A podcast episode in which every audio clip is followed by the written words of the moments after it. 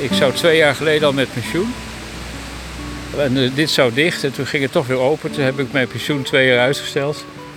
En eh, nu ga ik echt per 1 oktober eh, met pensioen. Dat jou je pensioen erom uitstelt, ha, jouwt wel om dat jou wel een sterke belutsenheid ha bij de mensen die je wenjen. Ja, zeker. Ja, ja. Dat heb ik eigenlijk altijd gehad vanaf het begin. Ik heb ook een verleden in Afrika. Dus ja, niet dat dat per se de connectie hoeft te zijn, maar het, het is wel. eh, ik ben wel geïnteresseerd in andere culturen. En eh, deze doelgroep, ja, dat is een hele bijzondere groep. En eh, die wisselt ook continu van samenstelling. Overigens, er zijn hier zo ongelooflijk veel nationaliteiten. Dat, het zijn niet alleen Syriërs, maar er zijn ook mensen uit Irak, Iran, eh, uit Somalië, uit Egypte, uit, eh, zelfs uit Rusland. En, eh, dus je moet steeds switchen van cultuur, van taal. En dat maakt het ingewikkeld, maar ook heel erg boeiend. De vragen dat patiënten mij komen, is dat ik volslijn oors als de vragen die je van patiënten in een reguliere praktijk krijgen. Ehm, deels wel, hè, want de, de- de- mensen hebben bepaalde ziektes die hier niet voorkomen. Eh, of tenminste niet meer voorkomen. Denk aan TB. Eh, ik heb ook wel eens iemand met malaria gehad hier. En dat, dat zie je dus niet in de gewone huisartspraktijk. Eh, en we zien ook heel veel mensen met enorme grote problematiek. Dan denk ik aan ernstige posttraumatische st- stressstoornissen door bijvoorbeeld bombardementen. Ik heb, ehm, om een voorbeeld te noemen, had ik laatst iemand die heeft zijn huis is gebombardeerd, zijn ouderlijk huis. Hij was net ge- getrouwd, zijn ouderlijk huis werd gebombardeerd en verloor daarmee een heleboel familieleden in één keer. En dat kun je haast niet voorstellen. En mensen dus met, ook met eh, oorlogsverwondingen, met amputaties, met, met een heleboel eh, eh, eh, zeg maar granaatscherven in hun lichaam. Dat soort klachten. Dus eh, ja, dat zie je natuurlijk ook niet in een gewone huisartspraktijk.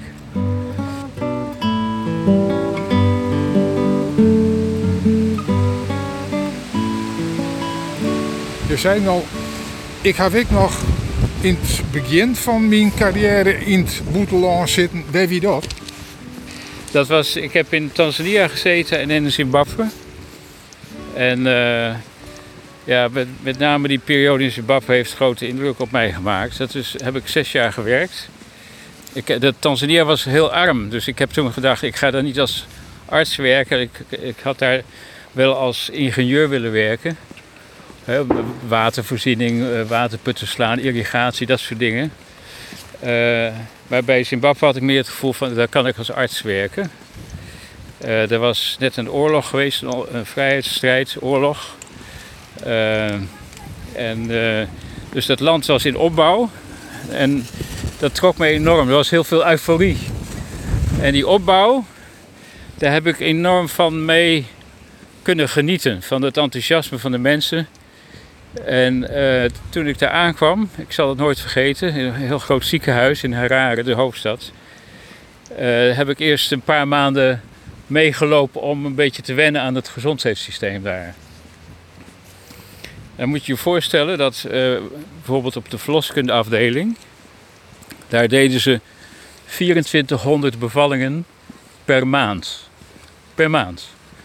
Dus ik deed bijvoorbeeld een ochtend tweelingen, een middag keizersnedes, een avond stuitbevallingen. En, en eh, dat was on- ongelooflijk hoe, hoe snel je daar in een korte tijd het hele systeem leerde kennen.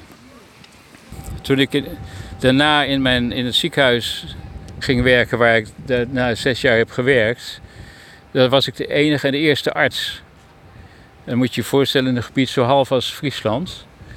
En er was nog een ziekenhuis daar in de buurt. Daar ging, er werd de arts op een gegeven moment ziek. Dus toen heb ik op een gegeven moment twee ziekenhuizen moeten bemannen als enige arts. Zo een gebied zo groot als Friesland ongeveer. En ehm, waar, ja, daar was eigenlijk nog niks. In het begin was er nog helemaal niks. Eh, dus alle patiënten die er gezien werden, dat, zeg maar zo'n 350 patiënten per dag kwamen daar binnen. Die werden allemaal in één kamertje gezien. En dat liep dan door. Er was- er waren van die grote ruimtes buiten waar mensen zaten te wachten.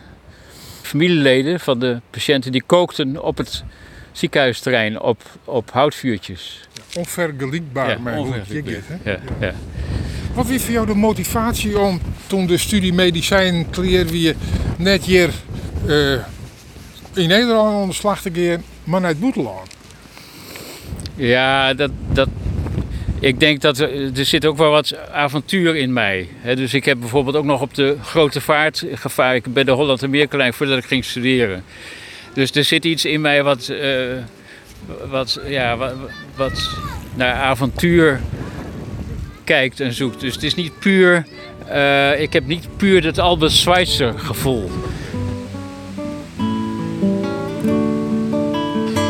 Wat ik ook nooit zal vergeten is eh, kinderen die mazelen hadden. Eh, je moet je voorstellen dat eh, de mazelen in Afrika een ernstig ver- verloop hebben. Dus het mazelenvirus verloopt daar foudroyanter, dus ernstiger dan hier. Ook bij blanke kinderen die in Afrika mazelen krijgen, daar wordt de, is het beloop veel ernstiger. En dat, dat resulteerde vaak in dat ze heel erg benauwd waren. En zo erg dat ze tot stikkens benauwd waren. En ik heb eh, heel veel, in het begin toch een aantal kinderen verloren daardoor. Die stikten. En toen heb ik, eh, ben ik begonnen met tracheostomieën. Dus dan was een, een kind bijvoorbeeld tot stikkens benauwd. Die zou eigenlijk gaan overlijden. Dan sneed ik hier eh, de, de luchtpijp open. En dan duwde ik een canule in. En je zag dat kind van stikkens benauwd ineens weer ademen. Dus je zag eigenlijk op dat moment een doodgaand kind weer tot leven komen. Maar die stap nemen, want ja, daar zitten ook weer andere risico's aan. Dat vraagt ook wel iets van u. Ja, Dat doe je niet zomaar. Je zegt, pak maar een mesje en snijd maar open. het moet. Ja, je doet, ja het, het, het kan niet anders. Dus je moet, ik heb ook operaties gedaan die ik nog nooit gedaan eh, had. En dan, ik had operatieboeken mee. En dan vroeg ik aan de operatieassistenten van, wil je de volgende bladzijde omslaan? Want dan was ik, eh, dus het waren tekeningen. En dan wist ik, eh, net zoals bij, bij wijze van spreken, hoe je een Ikea-kast. Ikea-kast Ja. Ja. En dat Ja. ging goed hoor. Dat ging echt goed.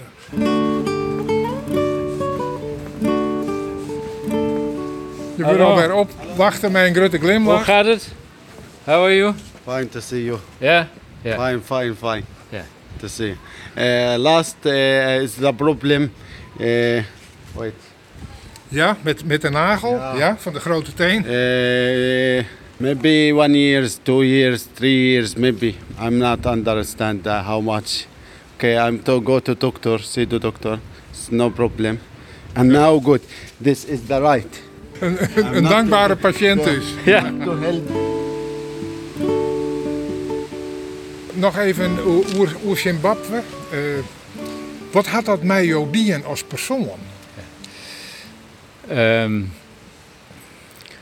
het feit dat, dat, eh, dat je als individu toch iets kan doen voor zo'n leefgemeenschap, eh, dat is heel erg mooi. Daar ben ik ontzettend dankbaar voor. Dat zal ik nooit vergeten. Kijk, dat is, dat is puur individueel. Hè? Dat is mijn eigen gevoel wat ik daarbij heb ervaren.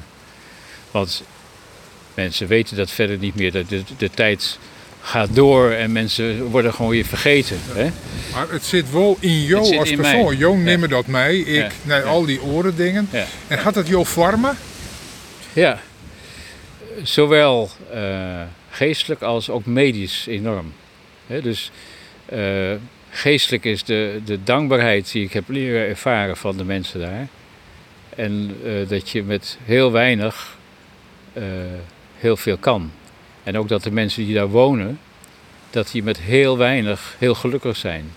En als je dan ziet hoe mensen hier met heel veel steeds ongelukkiger worden, eh, die, daar zit frictie, daar klopt iets niet.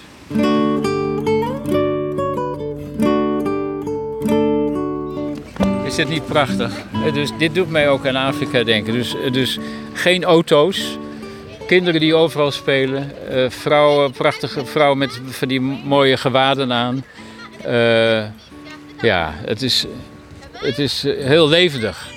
En dat vind ik zo ontzettend leuk van, van de, de leuke kant van zo'n AZC. Als mensen eh, bang zijn voor het, het AZC, dan moeten ze hier eens komen lopen. Daar worden ze gewoon vrolijk van. Want mensen worden er inderdaad wel benauwd van. Hè? Ja. Maar dat, is, dat zit in de mens. Hè? Eh, onbekend maakt onbemind. Hè?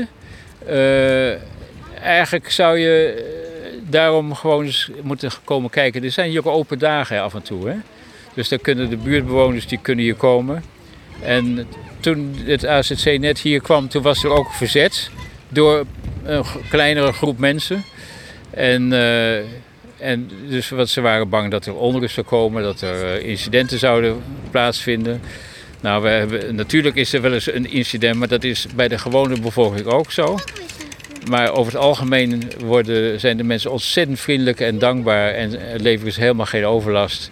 Dus eh, mensen die bang zijn voor AZC's in hun buurt, die moeten die angst eigenlijk eh, nog eens een keer eh, bespreken met mensen die er echt verstand van hebben.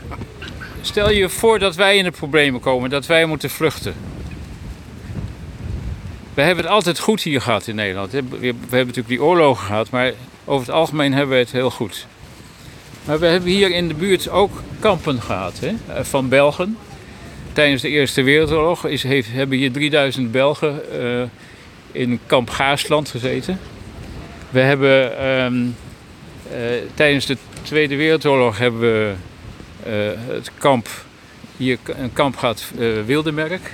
Dat is hier vlakbij. Daar zaten kneelmensen, mensen uit de Mol- de Molukken. En, to- en tot voor kort is daar ook nog onderzoek gedaan naar van, eh, dat mensen graag wilden weten, verhalen wilden horen over van overlevenden van dat kamp.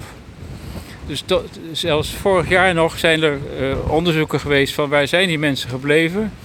En ehm, ik denk dat het heel belangrijk is om straks als, het, als dit centrum hier bijvoorbeeld weg is, dat je toch nog een herinnering hebt hè, aan, aan waar die mensen hier hebben gewoond. En eh, dus eh, daar, eh, mijn gedachte is om, als dit weg is, om, om hier toch nog een soort van een pad te hebben. En eh, dat, dat heb ik ook in mijn, eh, bij mijn afscheid eh, straks zal ik dat eh, benoemen. Dat, eh, dat mijn wens is om een werkgroep op te richten om een pad te maken van hier, van het, deze plek naar het Slotermeer. Dat zal ik straks laten zien. Ja.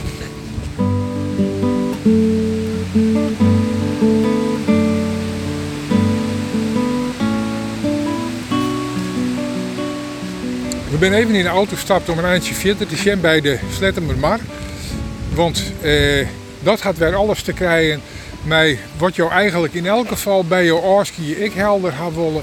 Ik wil graag dat dat wat toegankelijker wordt. Dat we wat makkelijker vanuit Balk naar de mar rennen kennen.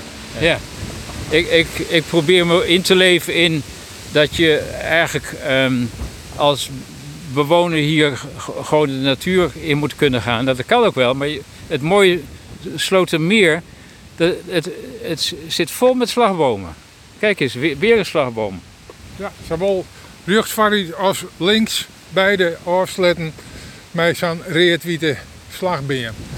Privéterrein verboden onbevoegden. Ik zag camera's hingen. Kijk. Loeken wij eens daar wat van aan? Nee, kijk, dit is dus ook zoiets vreemds. Er is hier namelijk een pad ergens langs het meer. Het Zuiderzeepad. En we, we zullen dat straks zien. Dit is eigenlijk vreemd dat hier eigen terrein staat voor, verboden voor onbevoegden. Want er is officieel een IJsselmeerpad hierachter. En ik begrijp niet dat dit bord hier staat. Nou, dan we er niks van aan. Nee. Maar, dan rennen we gewoon terug. Maar je zult zitten kennen dat paad, dat slacht dus eigenlijk twee miggen in één klap. Zowel een herinnering aan het AZC dat je zitten had, als ik de makkelijke toegankelijkheid van Balksters om bij de markt te komen. Ja, ja en, en ik denk daar dan bij van als je zo'n pad bewandelt, dan kan je ook terugdenken aan die mensen. Je kan ook denken van stel je nou voor dat het mij zou overkomen. Want het is maar zeg maar toevallig dat de mensen die hier geboren zijn, dat die hier zijn geboren. Dat is met toeval, hè? Want je hebt daar niks over te zeggen. Dus ehm, ik bedoel te zeggen eigenlijk, het is zo relatief waar we geboren zijn. En stel je nou voor dat je probeert in te denken dat je ergens ge- geboren wordt in een land waar oorlog is. Of probeer je voor te stellen hoe, dat, hoe jou dat zou, eh, wat het met jou zou doen. En heel vaak merk ik zelf, als ik wandel, dan kan ik beter filosoferen en denken over het leven en over de dingen die gebeuren, die mij raken, dan wanneer je in het hectische leven eh, zit. Dus zo'n pad zou eigenlijk meerdere functies kunnen hebben. Dus de herinnering, de bezinning en het recht doen aan eh, het, de mogelijkheid van Balkses om gewoon naar dat markt te lopen. Zonder slagbomen. Nou, met uw inzet wordt dat opgelost, dat probleem. ja, ik hoop het.